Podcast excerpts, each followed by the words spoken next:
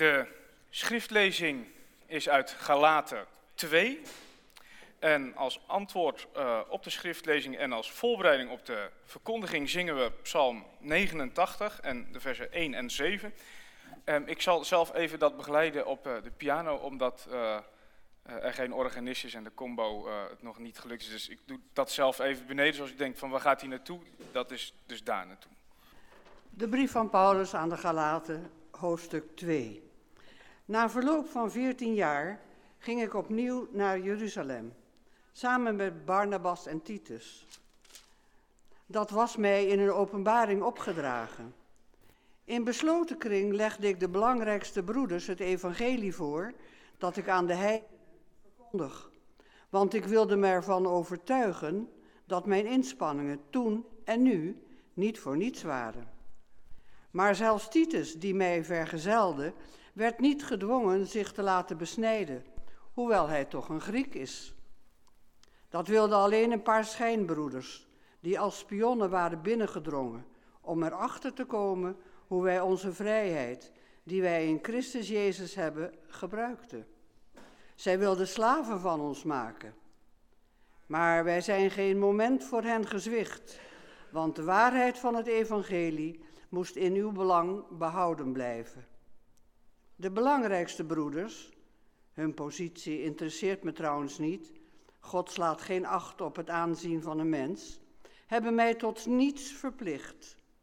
Integendeel, toen ze inzagen dat mij de verkondiging onder de heidenen was toevertrouwd, zoals aan Petrus de verkondiging onder de besnedenen, want zoals God Petrus kracht had gegeven voor zijn werk onder de Joden, zo had hij mij kracht gegeven voor mijn werk onder de onbesnedenen.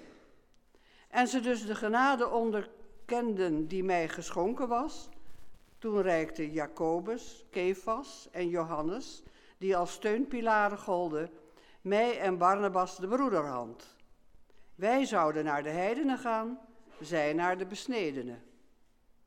Onze enige verplichting was dat wij de armen ondersteunden. En dat is ook precies waarvoor ik mij heb ingezet. Maar toen Kefas in Antiochië was, heb ik me openlijk tegen hem verzet, want zijn gedrag was verwerpelijk. Hij at altijd met de heidenen, maar toen er afgezanten van Jacobus kwamen, trok hij zich terug en at hij apart, uit angst voor de voorstanders van de besnijdenis. De andere Joden deden met hem mee. En zelfs Barnabas liet zich meeslepen door hun huichelarij.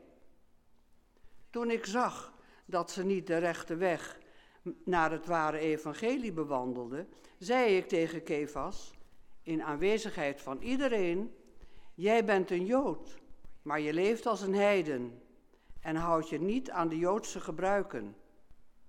Hoe kun je dan opeens heidenen dwingen als Joden te leven?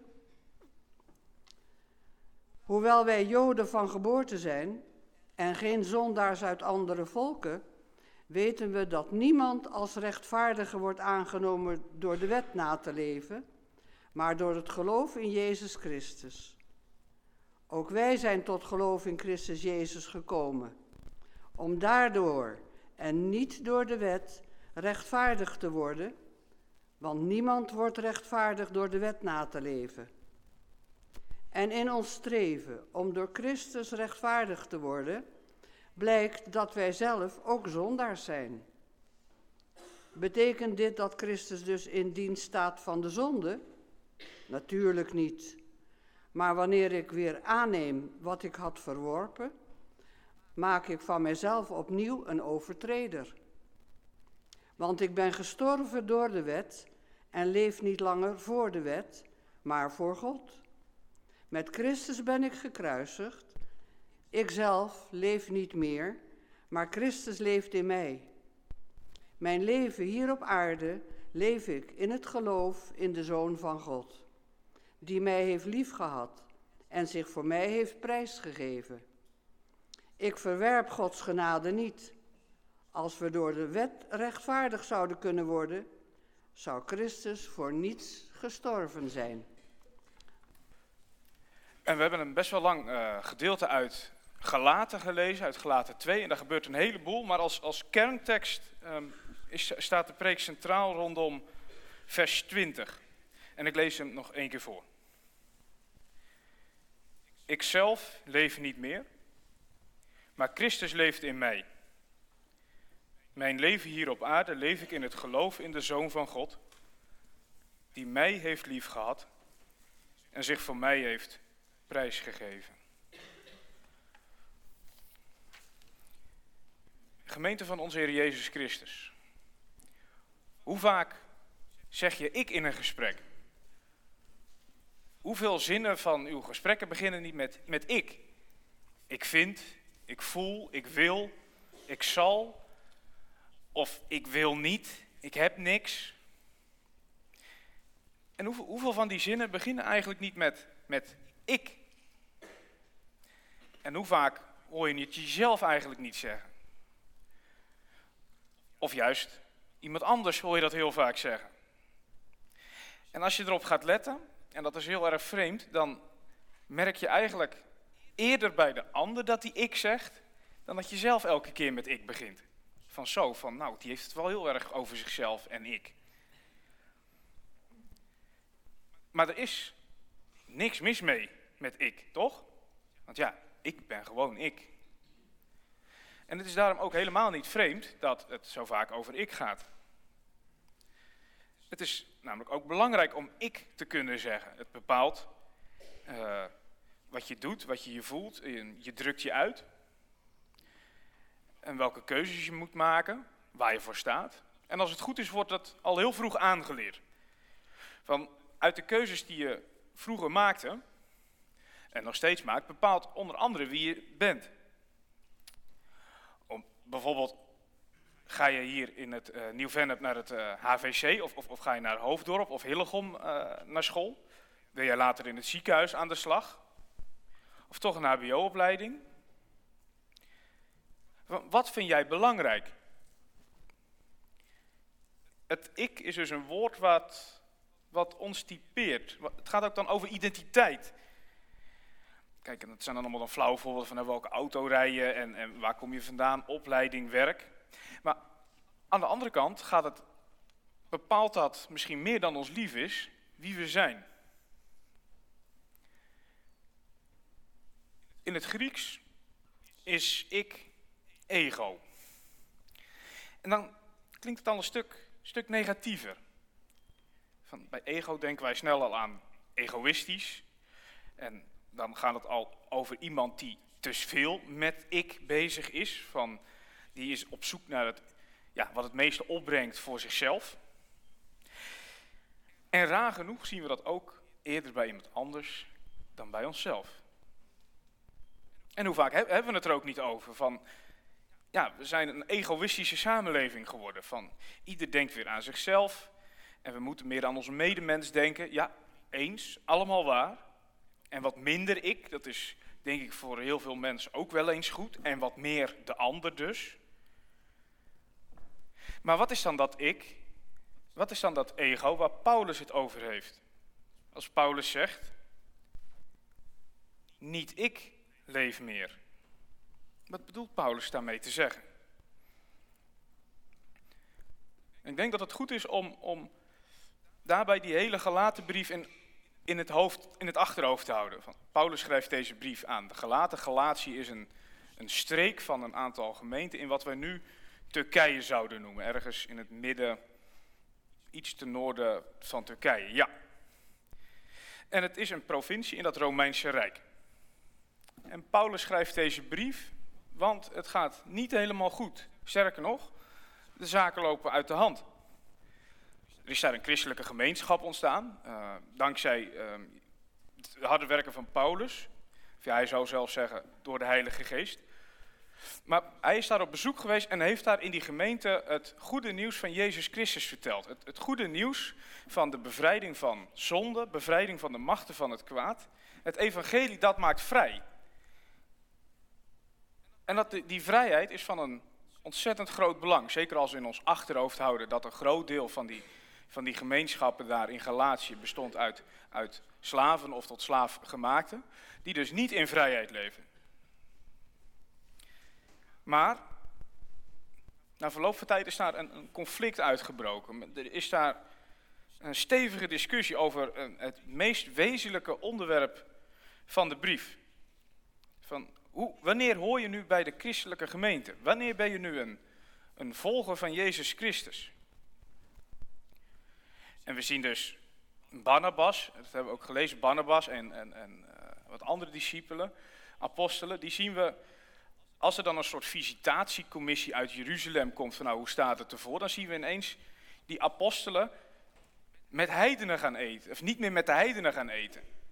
Terwijl ze eerst hebben gezegd, van, ja, het gaat niet om welke wet je navolgt, dus ook niet die spijswetten uh, of de besnijdeniswet. Nee, het gaat erom dat je gelooft in Jezus Christus. Maar dan komen die mensen, die komen dan kijken. En dan, ja, dan, dan worden ze schijnheilig. Ze laten zich dan regeren door angst. Ja, dat kan dus ook. Je laten leiden door angst en schijnheiligheid. Want Paulus confronteert dan ook Petrus met zijn gedrag. Het heeft namelijk vergaande gevolgen voor de verspreiding van het evangelie. Als, als Paulus vol enthousiasme A heeft gezegd en vervolgens doen uh, bevriende collega's B, ja, dan komt je geloofwaardigheid op het spel te staan. En helemaal als je als christelijke gemeenschap ja, net aan, aan het begin staat. En daarom is Paulus, ja, die drijft de zaak hier echt op de spits. En hij komt tot de kern van zijn betoog. En dan lezen we, niemand is rechtvaardig te verklaren door wetten na te leven. Het waren in die tijd, waren dat, zoals ik net al zei, de spijswetten onder andere, of, of, of als je besneden was, of, of je de Sabbat wel uh, precies genoeg hield. Nee, niemand wordt daardoor rechtvaardig of aanvaardbaar voor God.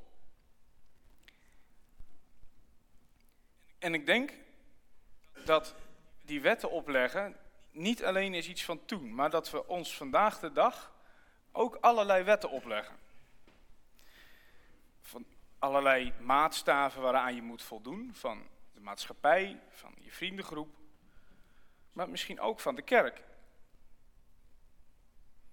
En de vraag is, ja, wanneer doe je het dan ooit goed genoeg als je elke keer aan maatstaven moet houden?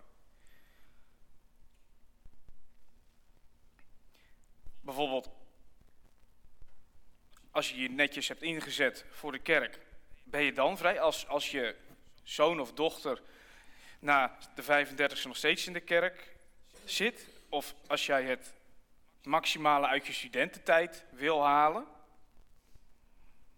is, is, is dat dan vrijheid? Ben je dan goed genoeg? En het leidt onder andere tot een gevoel van onzekerheid. Van wanneer hoor ik er dan bij? En misschien ook wel juist in de kerk, zei ik al. Wanneer doe ik het goed genoeg voor God? Zijn we dan ook misschien bang om uit zijn gunst te vallen of uit zijn niet meer door God gezien te worden? Misschien heeft het ook wel te maken met de angst voor falen. Van dat je voor de buitenwereld je leven gewoon perfect op orde wil hebben. En uh, ja, dat er gewoon niets op aan je aan te merken is. Dat mensen gaan wijzen, zo, die heeft ook een zootje van zijn leven gemaakt. Of ja, nou, dat is ook niet echt uh, de beste christen. Maar als die stem dan op jou betrekking heeft, ja, dat heeft een verlammend gevoel voor, voor, voor de vrijheid in je leven. Want dat maakt je tot slaaf. Als ik dit of dat, dan is het goed genoeg. Als ik zus of zo, nee, dan ben ik geslaagd. Er moet dus altijd van tevoren iets, iets gebeuren voordat wij iemand serieus nemen. Er moet dus altijd iets, iets, iets bij in zijn mens zijn. Maar als we zo denken, kan dan iemand nog in jouw wereld komen? Ben je dan nog wel echt bereikbaar voor iemand anders als je niet onbevangen en zonder vooroordeel iemand tegemoet treedt?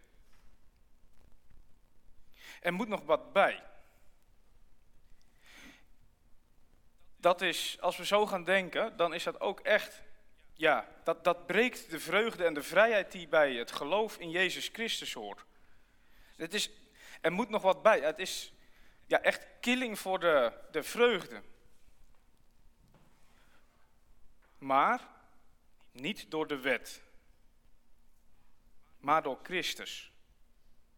Dat zijn ja, gigantische woorden van Paulus. Laten we dat eens even op ons inwerken. Niet ik. Dus dat hele ik doet er niet toe.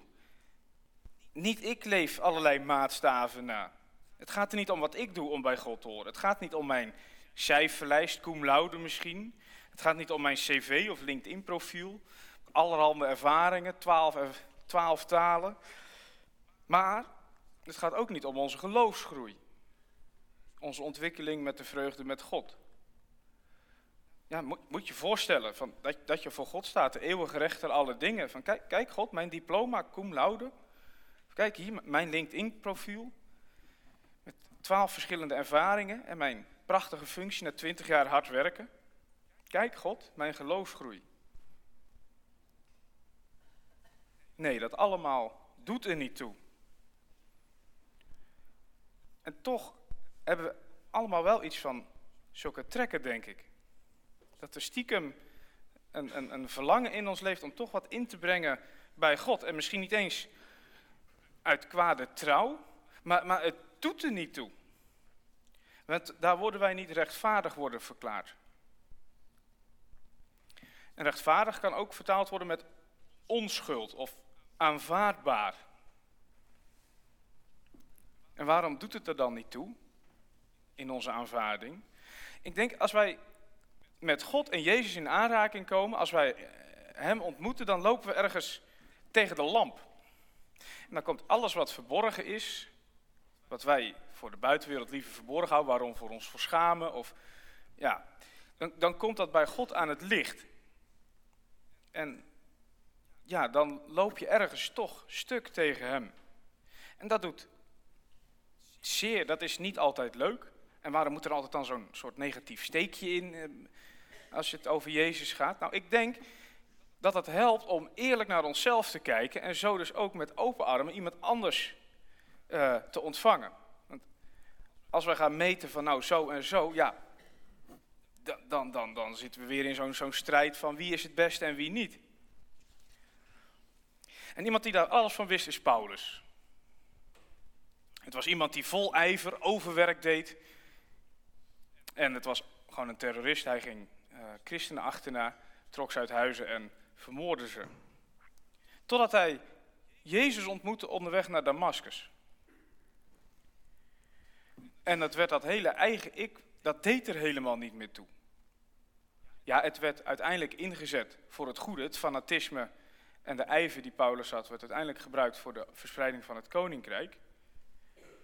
Maar al dat werk, daar begon het niet mee. Het begon met Jezus die ingreep. En hij noemt dat, maar Christus leeft in mij. Ook weer van die grote woorden, maar Christus leeft in mij. Ja, Christus leeft in jou, in mij, in dat eigenwijze ik, in dat wat, wat afhoudende ik misschien, het weerbarstige ik, het gebroken ik. Het enthousiaste ik, het vurige ik. Daarin wil Christus leven. En zo mag jij ook leven, zo mag u ook leven. Ook al ben je jezelf verloren. Want het is alleen Hij, Jezus Christus, die naar deze aarde komt. Naar mensen die alleen maar met zichzelf, met ik bezig zijn. Met zelfontplooiing en zelfexpressie heet dat dan. Die bij wijze van spreken de hele dag met de camera op selfie-stand en een mooie filter erop doorkomen. Maar Jezus niet. Hij kwam juist naar deze wereld voor u en voor jou. En aan, de, aan het kruis heeft dat zijn diepste betekenis. Daar worden de banden van de slavernij, de banden van de machten van het kwaad, de machten van de zonde verbroken. En hij maakt jou daardoor weer vrij mens voor God. Als Paulus dus zegt, Christus leeft in mij, dan bedoelt hij niet zichzelf aan te wijzen als soort toppunt van vroomheid, maar juist de afbraak daarvan. Van, ja, we kunnen het zo onthouden, denk ik. Hoe leven wij voor God? Nou, ik denk wij kunnen onszelf nooit aanvaardbaar en aannemelijk maken, maar Hij heeft ons aangenomen. Hij heeft ons bevrijd. We hoeven ons niet groter voor te doen bij God, wie we zijn. Het hangt ook niet van jou af. Als we zo zijn, dan worden we koud en kil. Dan hebben we geen genade over voor mensen die echt genade nodig hebben, die aan de grond zitten en het niet te kunnen rooien. Nee, genade. En als we met Christus gekruisigd zijn, zijn wij allen weer mensen voor God. Die God die zich in Jezus Christus heeft prijsgegeven. Je krijgt een nieuw ik, het ik. Het oude is gekruisigd en het nieuwe mag je op je nemen. We kunnen opnieuw in Jezus Christus onze weg weer gaan in dit hele leven. In Christus. En je hoeft jezelf niet eerst te bewijzen, want God heeft je al lang aanvaard. Heeft je al lang lief. Tim Keller, misschien een bekende Amerikaanse predikant, die verwoordde het zo. Je bent er veel ellendiger aan toe dan je had willen toegeven, maar je bent nog veel meer geliefd dan je ooit had durven open. Dat is met Christus gekruisigd, maar ook met hem opstaan. Dan gaat het alleen nog maar over Jezus. Maar dat gevoel lijken we niet altijd te hebben. En dat hebben we ook niet altijd. Maar het is de hoop en het geloof, het vertrouwen in Christus dat wij vrij zijn. Die naar de aarde gekomen is om ons meer met God te verbinden. Die zich heeft overgegeven voor mij. En laten we in die vrijheid, in dat geloof, met die liefde deze week weer ingaan. En met die houding ook andere mensen tegemoet treden. Niet alleen morgen, overmorgen, deze hele week, maar het hele jaar, je hele leven. En we begonnen deze preek over ik. Doe ik het wel goed genoeg? Nee, dat doen we eigenlijk nooit. Maar als we in Christus leven, dan zijn we helemaal goed genoeg voor God. Helemaal. Daarom, leef vanuit dat perspectief. Je hoeft je niet groot te houden, want jouw identiteit ligt in Christus. Je bent al lang door God geliefd, wie je ook bent. Daardoor niet ik, maar Christus. Wij zijn weer van God. Dan leven we niet meer met de camera op selfie-stand gericht, met een mooie filter erop, maar tikken we net even die andere kant op, zodat alleen Christus in beeld komt. Niet ik kom in beeld, maar alleen Hij. En dat is onze enige troost in leven en sterven. Dat we niet van onszelf zijn, maar van Christus. Die met zijn dierbaar bloed volkomen voor onze zonde heeft betaald. Lof zij Christus. Amen.